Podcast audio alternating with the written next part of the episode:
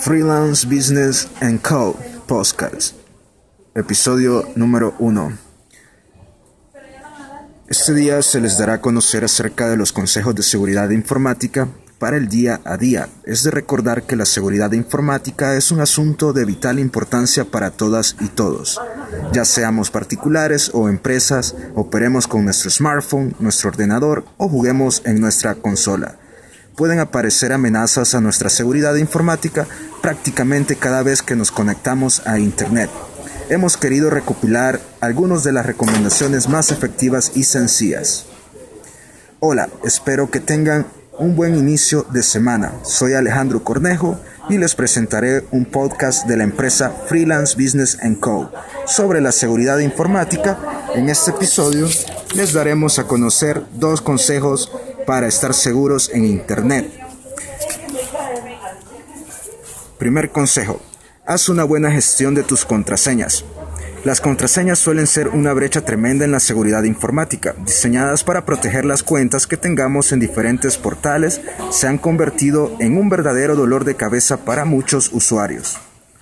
Buena parte de la población, a no ser que el portal en cuestión exija lo contrario, utiliza una contraseña o password fácil de descifrar. En definitiva, números y expresiones con cierto sentido que suponen una gran debilidad en seguridad. Por otro lado, también proliferan quienes ponen la misma contraseña en todos sitios. Todos son igual de vulnerables si se intenta entrar en ellos. Es importante tener una contraseña para cada sitio y cambiarla de forma periódica. Usa combinaciones alfanuméricas, incluye letras mayúsculas, letras minúsculas, caracteres especiales y números. Segundo consejo. Sospecha siempre del Wi-Fi público, como ejemplo en los centros comerciales o otros sitios públicos.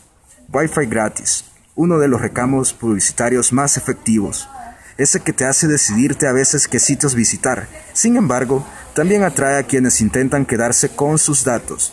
Es un método antiguo y conocido, pero seguimos exponiéndonos a él.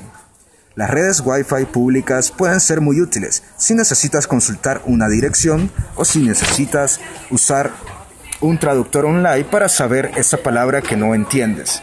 Pero se puede comprometer la seguridad de tus datos e incluso la de tu dinero si actúas de forma irresponsable en la red. Evita acceder a tus datos personales, bancos, correos, poner la contraseña de Facebook mientras estás sujeto a una red Wi-Fi pública Nunca se sabe quién podría estar rondando.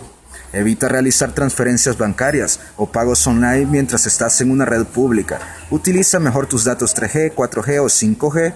Gastarás datos de más, pero evitarás tener dinero de menos en la cuenta del banco. Vamos a darte tres consejos más. Si bien es sabido, no son de tanta importancia, pero siempre necesarios.